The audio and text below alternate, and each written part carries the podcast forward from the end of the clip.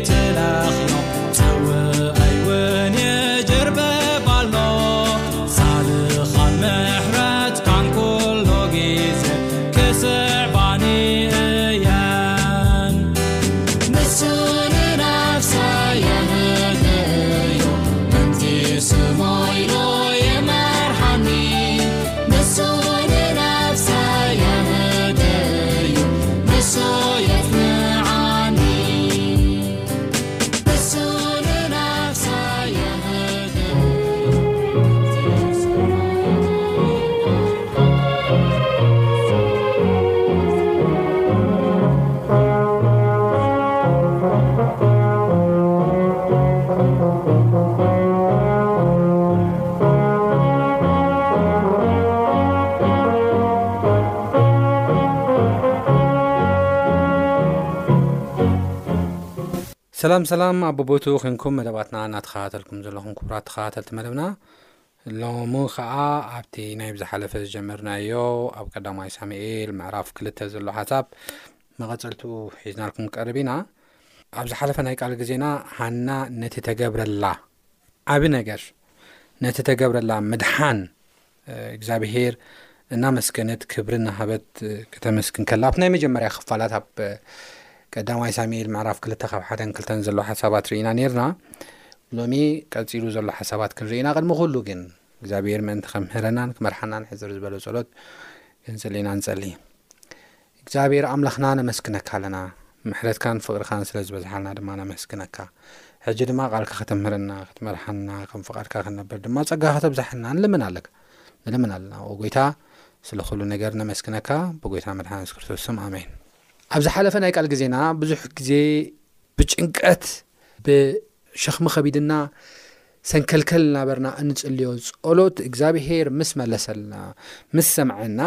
ኣብ ምስጋና ሰነፋት ኢና ክሳብ ክንድኡ ናይ ምስጋና ህይወት የብልናን ንእግዚኣብሄር ናይ ምኽባር ግዜና ብጣዕሚ ትሑት እዩ ነገር ግን ካብቲ ብጸሎት ንረኽቦ ብዛየደ ብጸሎት ካብ ንረኽቦ ብዘየደ ብምስጋና ከም ንረኽቦ መጽሓፍ ቅዱስ ይዛረብ እዩ። ሃና ኣብ ቀዳማዊ ሳሙኤል ምዕራፍ ክልተ ካብ ፍቕዲ ሓደ ጀሚራ ክሳብ ዓሰርተ ኣብ ተመስግነሉ እዋን መጀመርያ ሳሙኤል ጥራሕ እያ ረኺባ ነይራ። ደሓር ግን ብጀካ ሳሙኤል ኣርባዕተ ቆልዑት ከም ዝረኸበት ኢና ንርኢ። ኣርባዕተ ቆልዑት ከም ዝረኸበት ኢና ንርኢ እንዶም መጽሓፍ ቅዱስ እንታይ እዩ ዝብለና እግዚኣብሄር ድማ ንሃና በጽሓ ጠነሰት ድማ ሰለስተ ወድን ክልተ ጓልን ከዓ ወለደት ሳሙኤል ከዓ ተቆልዓ ኣብ ቅድሚ እግዚኣብሄር ዓበየ ኢንፋክት ብዘይ ሳሙኤል ይመስለኒ ሰለስተ ወድን ክልተ ኣዋልድን ብጀካ ሳሙኤል ይመስለኒ ስለዚ ሓሙሽተ ቀልዑት ከም ዝተባረኸት ኢና ንርኢ ምክንያቱ ሳሙኤል ናብ ቤተ መቅደስ ወፍያቶ እያ ነራ ኣብ ቤተ መቅደስ እዩ ዝዓቢ ነሩ ምስ ኤሊ ስለዚ ሃና ኣብ ቅድሚ እግዚኣብሄር ቀሪባ ከተመስግን ከላ ሃና ሓጎሰይ ብኣኻ እዩ ደስታይ ብኣኻ ኢሉ ክብሪ ክትህቦ ከላ እግዚኣብሄር ድማ ኣዕዚዙ ኣብዚሑ ክባርኻ ከሎ ኢና ንርኢ ማለት እዩ እዚ በረኸት እዚ ከዓ ንኣዝዩ ዝበለፀን ዝሓሸን በረኸት ከም ዘምፅላ ኢና ንርኢ ሰለስተ ወዳት ክልተ ድማ ኣዋልድ ከም ዝሃባ ወሲኹ ኢና ንሪኢ ማለት እዩ እሞ ሕስራና ምውጋድ ጥራሕ ዘይኮነ ኣዝዩ ከም ዘኸበራ ብውላድ ብውላድ ብውላድ ድማ ከም ዝፀገዋ ኢና ንርኢ ማለት እዩ እሞ እስኪ ናይ ሃና ምስጋና ኣብ ዝሓለፈ ዝጀመርና ሕጂ እውን ደጊምና ክንሪኦ ኢና ንርኣዮ እንታይ እያ ትብል ናይ መጀመርያ ሓሳብ ናይ መጀመርያ ሓሳብ ሓጎሰይ በኣኻ እዩ እግዚኣብሄር ምድሓነይ ብኣኻ እዩ ሓጎሰይ ብኣኻ እዩ ክትብል ከለ ኢና ንርኢ ከምብቦ ይደሊ ልበይ ብእግዚኣብሔር ይሕጎስ ቀርነይ ድማ ብእግዚኣብሔር ክብ ይብል ኣሎ ብምድሓንካ ዝሓጒሰ እሞ ኣፈይ ናብ ጸላተይ ሃህ ኣብላ ኣለኹ ዝነበረኒ ሕስራን ዝነበረኒ ውርደት ኩሉ ዝተወገደ ብኣኻ እዩ ብገዛ ስልጣነይ ብገዛ ክብረ ኢንፋክት ቅድሚ ኢለ ከምቲ ዝበልክዎ ወይ ድማ ኣብቲ መእተዊ ከም ዝበልክዎ ብዙሕ ግዜ ጸሊና ወይ ድማ ብናይ እግዛብሄር ምሕረት ዝተዋህበና ነገራት ክረዲት ክንወስድ ንደሊ ባዕልና ኢና። ዋይ ኣነ እኮ ከምዚ ስለ ዝኾንኩ እየ ኢልና እቲ ዋጋ እቲ ምግባር ንሕና ከም ዝገበርናዮ ኢና ንሓስብ።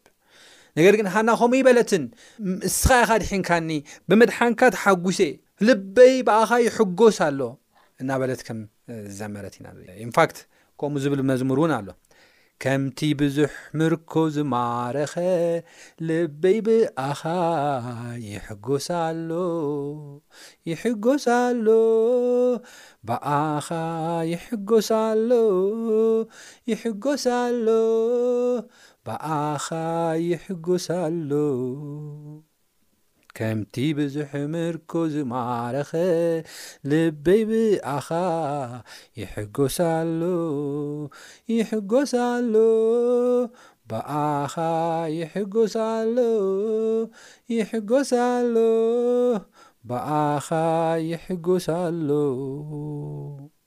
ኢላ ከም ዝዘመረት ከም ዘመስገነት ንኣምላኽ ኢና ንርኢ ማለት እዩ እሞ ክትቅፅል ከላ ብጀካኻ ካልእ ኣምላኽ የልቦን እሞ ከም እግዚኣብሄር ዝበለ ቅዱስ የልቦን ከም ኣምላኽ ዝበለ ኸውሒ የልቦን እወ ከም ኣምላኽና ዝኣመሰለ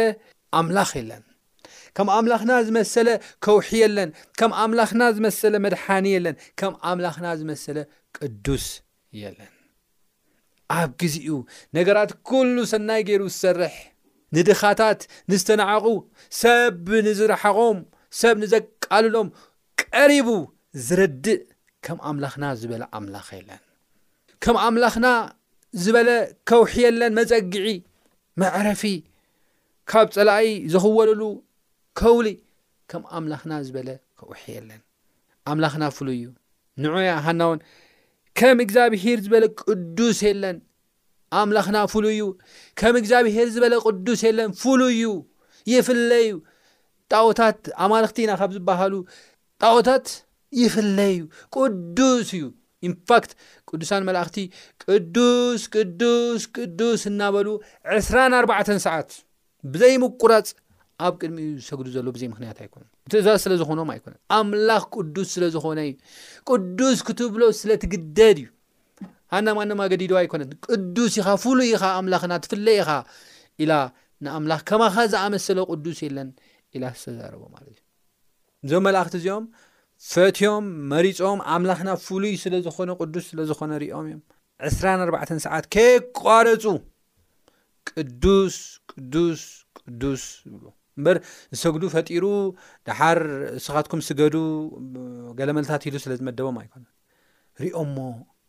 ከም ኣምላኽና ዝበለ ቅዱስ ከም ኣምላኽና ዝበለ ፍሉይ ከም ኣምላኽና ዝበለ ዓብዪ ኣምላኽ ማንም ስለ ዘየለ ስለ ዘረኣዩ እዩ ኣምላኽ ድማ ንኸተመስግኖ ውሽጥኻ ስለ ዘገድደካ እዩ ናሃና ክትዛረብ ከላ ቅድሚ ኢለ ከም ዝበልክዎ እግዚኣብሔር ኩሉ ዝፈልጥ ኣምላኽ እዩ ከምዚ ገይሮም ከቃልዋ ከለዉ ፍናናን ኤሊን ኤሊ ስኽራን ክኽሳብ መዓስ እዩ ክብላ ከሎ ፍናና ከዓ በቢ ዕለቱ በቢ ግዜኡ ንግሆ ብዝተሰአት ቀትሪ ብዝኸደት ክድቅስ ከላ ተወቃላ ዝነበረት ምቅላል ሞኻእ ሰብኣያ እናወሰደት ክሳብ ክንደይ ይጎድኣ ከም ዝነበረ፣ ክሳብ ክንደይ ትጉዳእ ከም ዝነበረት፣ ክሳብ ክንደይ ትሓምም ከም ዝነበረት ማንም ሰብ ኣይርዳእን። ኢንፋክት እቲ ዝፈትዋ ህልቃና እኳ ንባዕሉ ኣብ ውሽጣ ዝነበረ ሸኽሚ፣ ኣብ ውሽጣ ዝነበረ ስቓይ፣ ኣብ ውሽጣ ዝነበረ ጓሂ ክርድኣላ እኳ ኣይከኣለን። ሃና ኣነ ካብ ብዙሓት ቆልዑትዶ ኣይበልጸክን'የ ኢሉ እቲ ዝነበራ ሸኽሚ ከጸናንዓ እኳ ተፈተወ። እንደገና ድማ ካብቲ ንፍናና ዝህባ ዝነበረ ዕጽፊ ዕጽፊ ገይሩ እኳ እንተሃባ፣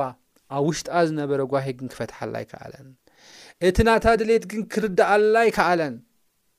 ገንዘብ ኣይኮነን ነይሩ። ንሕስራናን ንውርደታን ዘጋለጸ ድኽነት ኣይኮነን ነይሩ፣ ቆልዓ ዘይምንባሩ እዩ ነይሩ። እሞ እዚ ነገር እዚ ናይ ውሽጣ ዝተረድኣ እግዚኣብሄርን እግዚኣብሄርን ጥራሕ እዩ። ክትዛረብ ከላስ እንታይ ትብል? እግዚኣብሄር ኩሉ ዝፈልጥ ኣምላኽ እዩ። ኩሉ ዝፈልጥ ኣምላኽ እዩ። ሽግርና ሸኽምና ዝኸበደና ነገር ኩሉ ዝፈልጥ ኣምላኽ እዩ። ንሱ ጥራሕ ኣይኮነን መዓስን ኣበይን ታሪኽ ድማ ክቕይር ከምዝኽእል ድማ ዝፈለጥ ኣምላኽ እዩ ንሱ ጥራሕ እውን ኣይኮነን ኪኖ እዚ እግዚኣብሄር ከመይ ገይሩ ሂወትና ክዕሪ ከመይ ገይሩ ሰላም ክበና ከምዝኽእል ከመይ ገይሩ ሂወትና ክባርኸና ከምዝኽእል ዝፈልጥ ኣምላኽ እዩ እና ክዛረብ ከላ ሃና እንታይ ኣለ እግዚኣብሔር ኩሉ ዝፈልጥ ኣምላኽ እዩ እሞ ግብርታቱ ከኣኡ ምዙን እዩ ይብለና ብዛዕባ ኩሉ ፈላጥነት ኣብ ቀዳማ ዮሃንስ ምዕራፍ 3 ፍቅሪ 19 ክሳብ 20 ከምዚ ኢሉ ዮሃንስ ፅሒፉ ኣሎ ምንም እኳ ልብና እንተነቐፈና ኣምላኽ ካብ ልብና ዝዓብን ኩሉ ዝፈልጥን ስለ ዝኾነ ንልብና ኣብ ቅድሚኡ ንህድኣዮ እሞ ካብ ሓቂ ምዃና በዚ ኢና ንፍለጥ ኣቱም ፍቁራተይ ልብና እንተዘይነቐፈና ኣብ ኣምላኽ ትብዓት ኣሎና። ንትእዛዛቱ እንሕሉን ኣብ ቅድሚኡ ባህ ዘብሎን እንገብር ስለ ዝኾንና ነቲ እንልምኖ ዘበለ ኸሉ ካብኡ ንቕበል ኢና። እወ ትእዛዙ ንሕሉን ኣብ ቅድሚኡ ድማ ባህ ዘብሎ እንገብርን ስለ ዝኾንና ነቲ እንልምኖ ዘበለ ካብኡ ከም እንቕበል ካብኡ ከም እንቕበል ንፈልጥ ኢና። ከምቲ ንሱ ዝህበና ትእዛዝ ጌርና ብስም ወዱ የሱስ ክርስቶስ ክንኣምን ንሕና ክንፋቕር ትእዛዙ እዚ እዩ እናበለ ይገልጽ ማለት እዩ ስለዚ ትእዛዙ ብምሕላው በብዓመቱ ከይዳ ንዑ ብምስጋድ እግዚኣብሄር ደስ ዘብሎ ነገር ብኩሉ ብምግባር ሃና ካብ ምሕረት እግዚኣብሄር እውን ካብ ፍቕሪ እግዚኣብሄር እውን እቲ ኩሉ ዝፈለጥ ኣምላኽ ካብቲ ኩሉ ዝፈልጥ ኣምላኽ ሸኽማ ሕስራና ዘወግድ በረኸት ሃና ከም ዝተቐበለት ኢና ንርኢ። እወ እግዚኣብሄር ኩሉ ዝፈልጥ ኣምላኽ እዩ። ምናልባት ሰባት ከይርድኡልና ከይፈልጡ ይኾኑ ይኽእሉ እዮም። ኢንፋክት ንሕና እውን ሙሉእ ብምሉእ ከይንፈልጦ ንኽእል ኢና። እግዚኣብሄር ካብ ልብና ዝዓቢ እዩ። ልብና ካብ ዝሓስቦ ንላዕሊ ዝሓስብ ኣምላኽ እዩ። ዝፈልጥ ኣምላኽ እዩ። ስለ ርእስና ንሓስቦ ሓሳብ ንላዕሊ ዝፈልጥ ኩሉ ዝፈልጥ ኣምላኽ እዩ እሞ እግዚኣብሄር ኩሉ ዝፈልጥ ኣምላኽ ካብ ምዃኑ ዝተላዕለ ኸኣ ናይ ሃና ሸኽሚ ተረዲኡ ንሃና ዕረፍቲ ከም ዝሃባ ኢና ንርኢ። ትቕጽል እሞ ግብርታት ካብኡ ምዙን እዩ ምኽንያቱ ኢላ እያ። እቲ ትእዛዙን ሕሉን እንደገና ባህ ነብሎ እንተ ደኣ ንገብር ኮይንናሲ እቲ እንልምኖ ኹሉ ካብኡ እንታይ ንገብር ኢና ንቕበል ኢና ከም ዝበለ ዮሃንስ ግብርታት እውን ተመዚኑ ጸሎት ብምሕረት እግዚኣብሄር ብፍቕሪ እግዚኣብሄር ብጸጋ እግዚኣብሄር ተቐባልነት ከም ዝረኸበ ኣብ ቅድሚ እግዚኣብሄር ኢና ንርኢ ኢንፋክት እግዚኣብሄር ብጸጉ እዩ ብግብርታትና እውን ኣይኮነን ብጸግኡ ከም ዘጸገዋ ንርኢ ኢና ማለት እምብዛ ትዕቢት ዘረባ ኣይትዛረቡ እምብዛ እምብዛ ዘረባ ትዕቢት ኣይተብዝሑ ቃል ድፍረት እውን ካብ ኣፍኩም ኣይውጻእ ትብል ትመክር ሕነ ክፈዲ'የ ኢላ ከምቶም ሰነፋት ሕነ ክትፈዲ ኣይተጓየየትን። ነቶም ዝሰሓቑዋ ዘባጨዉላ ከተባጭወሎም ኣይጎየየትን። ንእግዚኣብሄር ንምምስጋንን ብዛዕባ እግዚኣብሄር ንምምስካርን እያ ተጓይያ። እቲ ተማባጽዓቶ ነገር ድማ ንኽትገብርን እያ ተጓይያ ሃና። እሞ ክትመክር ክትዛረብ ከላ ሃና። እምብዛ ዘረባ ትዕቢት ኣይተብዝሑ ምኽንያቱ እግዚኣብሄር ክቅይሮ ይክእል እዩ ታሪክ ዝልውጥ ኣምላክ እዩ ኩሉ ዝፈልጥ ኣምላክ እዩ ዝምዝን ኣምላክ እዩ እሞ እንታይ ትግበሩ ዘረባ ትዕቢት ኣይተብዝሑ ኢላ ክዛረብ ከላ ኢና ቀስቲ እቶም ሓያላት ተሰብረ እቶም ሰንከልከል ዝብሉ ዝነበሩ ከዓ ሓይሊ ተዓጥቁ እቶም ፅጉባት ዝነበሩ ምእንትን ጌራ ተገዝኡ እቶም ጥሙያት ድማ ደጊም ኣይጠምዩን እዮም እወ እታ መኻን ሸውዓተ ወለደት እታ ወላድ ግና ደኸመት ይብለና ነገራት ኩሉ እግዚኣብሔር ከም ዝቐያየሮ፣ ሓድሽ ከም ዝገበሮ፣ ሕይወት ኩሉ ኣብ ትሕቲ እግዚኣብሔር ኣብ ትሕቲ ቁጽጽር እግዚኣብሔር ከም ዘሎ ክንርዳእን ክንፈለጥን ይግብኣና እዩ። እግዚኣብሔር ይቐትል ይሕዊ ከኣ፣ ናብ ሲኦል የውርድ የውጽእ ድማ፣ እግዚኣብሔር የድኪ ይህብትም ከኣ፣ ትሕት የብል ክብ ድማ የብል፣ ኩሉ ብኢዱ ኩሉ ኣብ ትሕቲ ቁንጽር እዩ ብዘይ እግዚኣብሄር ደስ ኢልዎ እልል ዝበለ ብዘይ እግዚኣብሄር ጸጋ ዘመስገነ ማንም የለን ኣብዚ ምድሪ እግዚኣብሄር ስለ ዝፈቐደ እዩ እግዚኣብሄር ሕራይ ስለ ዝበለ እዩ ኩሉ ብትሕቲ ቁጽር እግዚኣብሄር እዩ ኣዕኑድ ምድሪ ናይ እግዚኣብሄር እዩ ንዓለም ከ ኣብ ልዕሊኡ ኣንቢርዋ እዩ እሞ ነቲ ነዳይ ካብ ሓመድ ኣተንስኡ ነቲ ድኻ ካብ ጎዱፍ ኣልዒሉ ምስ መኳንንቲ የቐምጦ ዝፋን ክብሪ እውን የብርሶ ይብሉ እግዚኣብሄር ነቲ ነዳይ ንስኻ ነዳይ ኢኻ ኢሉ ከምቶም ኣብዚ ከምቲ ናይ ምድሪ ስርዓት ማለት እዩ ናይ ምድሪ ስርዓት ነዳይ ምንም ዘይብሉ መኻን ድኻ ብዙሕ ተደላይ ኣይኮነን ተደላይ ኣይኮነን ተቐባልነት እውን የብሉን እግዚኣብሄር ግን ንኹሉ ፍቅ ንኹሉ እዩ ዘፍቅር ነቲ ድኻውን ነቲ ሃፍናሙ ነቲ ነዳይ ምንም ዘይብሉ እውን ይፍቅር እዩ የፍቅር ጥራሕ ኣይኮነን ካብ ሓመድ ክዛረብ ከሎሲ ነቲ ነዳይ ካብ ሓመድ የተንስእ እግዚኣብሔር ይመስገን ዝንዕቕ ኣምላኽ ኣይኮነን ነቲ ነዳይ ካብ ሓመድ የተንስእ ነቲ ድኻ ከዓ ካብ ጎድፍ የልዐ ምልዓል ጥራሕ ኣይኮነን ምስ መኳንንቲ የቐምጦም ዝፋን ክብሪ እውን የውርሶም ይብለና ንእግዚኣብሔር ዝሰኣኖን ማንም የለን ንእግዚኣብሄር ዝኸብዶ ምንም ነገር የለን። እግዚኣብሄር ኩሉ ዝኽእል ኣምላኽ እዩ። ንሱ ነጋር ቅዱሳኑ ነቶም ብኡ ዝኣምኑ ትእዛዙ ዝሕሉ ተኣሚኖም ከይባተኹ ንዝጽልዩ ሽሙ ንጽውዑ ነጋር ቅዱሳኑ ይሕልወን እዩ። ሰብ ብሓይሉ ኣይስዕርን እዩ። ሃና ብሓይላ ኣይኮነትን ስዒራ። ሃና ብሓይላ ኣይኮነትን ውላድ መኻነታ ተሲሩ ውላድ ዝረኸበት ሰብ ብሓይሉ ኣይስዕርን እዩ እሞ እቶም ርእሲኣንሲ ኣብ ጸልማት ክጠፉ እዮም እቶም ንእግዚኣብሔር ዝጻረሩ ስብርብር ይብሉ ኣብ ሰማይ ኮይኑ ኣብ ልዕሊኦም የንጎድጉድ እግዚኣብሔር ንወሰናት ምድሪ ይፈርድ ንንጉሱ ድማ ሓይሊ ይሂቦ ንቐርኒ መሲሑ ከዓ ልዕል የብሎ ናይ ፍናና ህይወት እንታይ ከም ዝኾነ ኣይነገረናን ናይ ኤሊ ህይወት ግን መወዳእትኡ ሕማቕ ከም ዝነበረ፣ ንደቁ እውን ናይ ሞት ምኽንያት ከም ዝዀነ፣ ነታ ሴሎ እትበሃል ዝነበረት ከተማ እውን ናይ ምጥፋእ ምኽንያት ከም ዝዀነ እዩ መጽሓፍ ቅዱስ ዝዛረበና። ኤሊ ንሓና ዘባጨወላ ስኽራን ከይኣኽለኪ፣ ናብ ቤተ መቕደስ ክትጽሊ ዝነበረት ስኽራን ከይኣኽለኪ ኢሉ ዝተዛረባ ማለት እዩ። ከምዚ ኢላ ብዓብዪ ምስጋና ከም ዘመስከነቶ ኢና ንርኢ ስለዚ ነዳየ ኣንድኻየ ምንም የብለይን ከልዕለን ዝኽእል ማንም ሰብ እውን የለን እትብል እግዚኣብሔር ነዳይ ዘልዕል ንደኻ እውን ካብ ጎዱፍ ዘተንስእ ኣምላኽ እሞ ብኡ ክንእመን ንኡ ክንቀርብ ይግባኣና ብዙሕ ግዜ ንእግዚኣብሔር ንህቦ ግዜ ቁሩብ እዩ ካብ ዕስራን ኣርባዕተን ሰዓት ዝተዋህበና ሸሞንተ ሰዓት እኳ ብድቃስ ተወሲድናዮ እቲ ዝተረፈ ሰዓትና ናይ ስራሕ ሰዓትና ግን ኬናብ ንርእየሉ እዋን ምስ እግዚኣብሔር ካብ እነሕልፎ ንስጋዊ ጥቕምና ኢልና ነሕልፎ ይብእስ ነገር ግን በረኸት ዘሎ ህይወት ዘሎ እቲ ናብ እግዚኣብሔር ክንቀርብ ከልና እዩ ናብ እግዚኣብሔር ክንመጽእ ከለና እዩ። ቃል እግዚኣብሔር ከነሰላስል ከለና እዩ። ብምስጋና ናብ እግዚኣብሔር ክንቀርብ ከለና፣ ብጸሎት ናብ እግዚኣብሔር ክንቀርብ ከለና እዩ እቲ በረኸት ዘሎ። ኣብ ያዕቆብ ምዕራፍ ኣርባዕተ ፍቕዲ ሸሞንተ ይዛረበና እዩ። እንታይ እዩ ዝብል? ንኣምላኽ ቅረብዎ ኣይትርሓቕዎ። ኢንፋክት ሓጢኣትን ጥፍኣትን እዚ ኩሉ ዓይነት ውድመትን ኣብ ዓለም ካብ ግዜ ናብ ግዜ ካብ ግዜ ናብ ግዜ ናበዝሐ ዝኸደሉ ዘሎ ዋና ዓላማ ሰብ ናብ እግዚኣብሄር ኣብ ክንዲ ምቕራብ ናብ ስጋዊ ነገር ናብ ዓለማዊ ነገር ገንዘብ ኩሉ ኣእምሮ ብኡ ስለ ተታሕዘ እዩ። ጥፍኣት ምንዝርነት ግብረ ሶዶማዊነት ኣብዚ ዓለም ዝበዝሐ። ስለዚ ከምዚ ዓይነት በረኸት ከምዚ ዓይነት ናይ እግዚኣብሔር ምድሓን ኣብ ህይወትና ክከናወለና እንተ ደሊና መጽሓፍ ቅዱስ እንታይ ይብለና ንእግዚኣብሔር ቅረብዎ ንሱ እውን ክቐርበኩም እዩ። ንሃና ዓቢ ነገር ዝገበረ ኣምላኽ ንዓኻትኩም እውን ዓቢ ነገር ክገብር ይኽእል እዩ። ምንም ዝሕዞ ምንም ዝቆጻጸሮ ምንም ምንም ምንም ነገር የለን። ንሃና ዓቢ ነገር ዝገበረ ሕስራና ዘወገደ መዓልታት ውርደታ ዘወገደ ኣምላኽ ሎሚ እውን መዓልታት ውርደትኩም መዓልታት ሕስራንኩም ከወግደልኩም ይኽእል እዩ። ነገር ግን ንእግዚኣብሄር ቅረብዎ ንሱ እውን ክቐርበኩም እዩ። ኣቱም ሓጣን ኣእዳውኩም ኣጽርዩ ኣቱም ሰብ ክልተ ልቢ እውን ልብኹም ኣንጽሁ ኢሉ ያቆብ ምዕራፍ 4 ፍቅዲ 8 ይዛረበን ኢንፋክት ማቴዎስ እውን ኣብ ማቴዎስ ምዕራፍ 11 ፍቅዲ 28 ኬድና ንርኢ ኣለዋን ኣቱም እቲ ጽዕሩን ጾር ዝኸበደኩምን ኩላትኩም ናባይ ንዑ ኣነ እውን ክዕርፈኩም እየ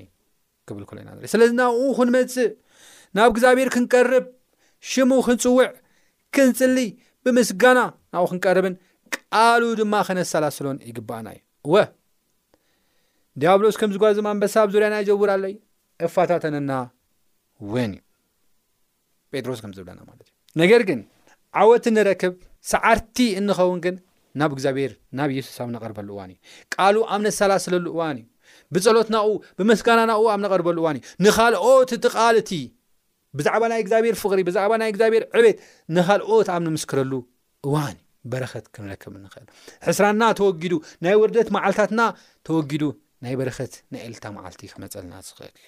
ንእግዚኣብሄር ቅረብዎ ናብ እግዚኣብሄር ንቕረብ ኢየሱስ ንዑ ኢሉ ይዕድመና ኣሎ ኢንፋክት ኣብ ራእይ ምዕራፍ ሰለስተ ፍቅድ ዕስራ ከይድና ንርኢ ኣለዋን እንሆ ኣብ ኣፍ ደገ ኮይነ ማዕፆ ኳሕኳሕ እብል ኣለኹ እዩ ዝብል የሱስ ክርስቶስ ናይ ልብና ማዕፆ ኳሕኳሕ የብል ከም ዘሎ ኢና ንርኢ ምክንያቱ ልብና ተዓፅዩ ብሓጢኣት ተደፊኑ ብናይ ስጋዊ ሓሳብን ብናይ ምድራዊ ድሌትን ተዓፅዩ እዩ ዘሎ ንእግዚኣብሄር ቦታ ናሃብና ይኮና ዘለና ስለዚ ኣብ ኣፍ ደገ ኮይነ ማዕፆ ኳሕኳ ሕብላ ኣለኹ ማንም ድምፀይ ሰሚዑ ልቡ እንተኸፈተለይ ናብኡ ከኣቱ ምስ እውን ክድረረ እዩ ዝብል ግዚብ ሎሚ ብዙሓት ኣይ ኣብሉ ኪዳን ዝነበረ ኣምላኽ ስሎሚ ስረሲዕና ዩ ሓጢኣት ናበዚሑ ግዲ እዩ እናበሉሉ ሎሚ እውን እግዚኣብሔር ክሰርሐ ይኽእል ሎሚ እውን ናብኡ እንተ ቀሪብካ እግዚኣብሔር ተኣምርቱ ክርእካ ክእል እዩ ሎሚ እውን ሽሙ እንተ ኣጸዊዕኻ እንተ ኣጸሊኻ ብምስጋና እንተ ናብኡ ቀሪብካ ቃሉ እንተ ኣሰላሲልካ ኣለኹ ክብለካ ክእል እግዚኣብሔር ህያው እዩ ህያው እዩ መፅሓፍ ቅዱስ ኣብ ኢሳያስ ከይና ንርኢ ኣልዋን ኢሳያስ መራፍ ረባ ፍቅሪ ኤርትራ ሸሞትን ከይና ንርኢ ኣልዋን እንታይ ዝብል እቲ ንወሰናት ምድሪ ዝፈጠረ እግዚኣብሄር ዘለኣለማዊ ኣምላኽ ከም ዝኾነ ዘለኣለማዊ ኣምላኽ እዩ ናይ ብሉ ኪዳን ኣምላኽ ጥራሕ ኣይኮነን ዘለኣለማዊ ኣምላኽ እዩ ትማልን ሎምን ንዘላለምን ህያው ዝኾነ ያው ዝኾነ ኣምላኽ እዩ። ንዘላለም ኣምላኽ ከም ዝኾነ ከም ዘይደክምን ከም ዘይሕለልን ኣእምሮ ከዓ ከም ዘይምርመርን ኣይትፈልጥን ዶ ኢኻ ኣይሰማዕኻን ዶ ኢኻ ይብል መጽሓፍ ቅዱስ ኣይደክምን እዩ ደኺሙ እውን ኣይፈልጥን እዩ ዋ ኣብ ብሉይ ኪዳን ብዙሕ ነገር ሰሪሐ ሞ ሕጂ ደኺምኒ ናይ ሓድሽ ኪዳን ዘለዉ ሰባት ኣይሰርሕን እዩ ዝብል ኣምላኽ ኣይኮነ ኣይደክምን እዩ ኣይሕለንን እዩ ኣእምሩ ከዓ ዘይምርመር ዓሚቕ እዩ ንድኹም ሓይሊ ይህብ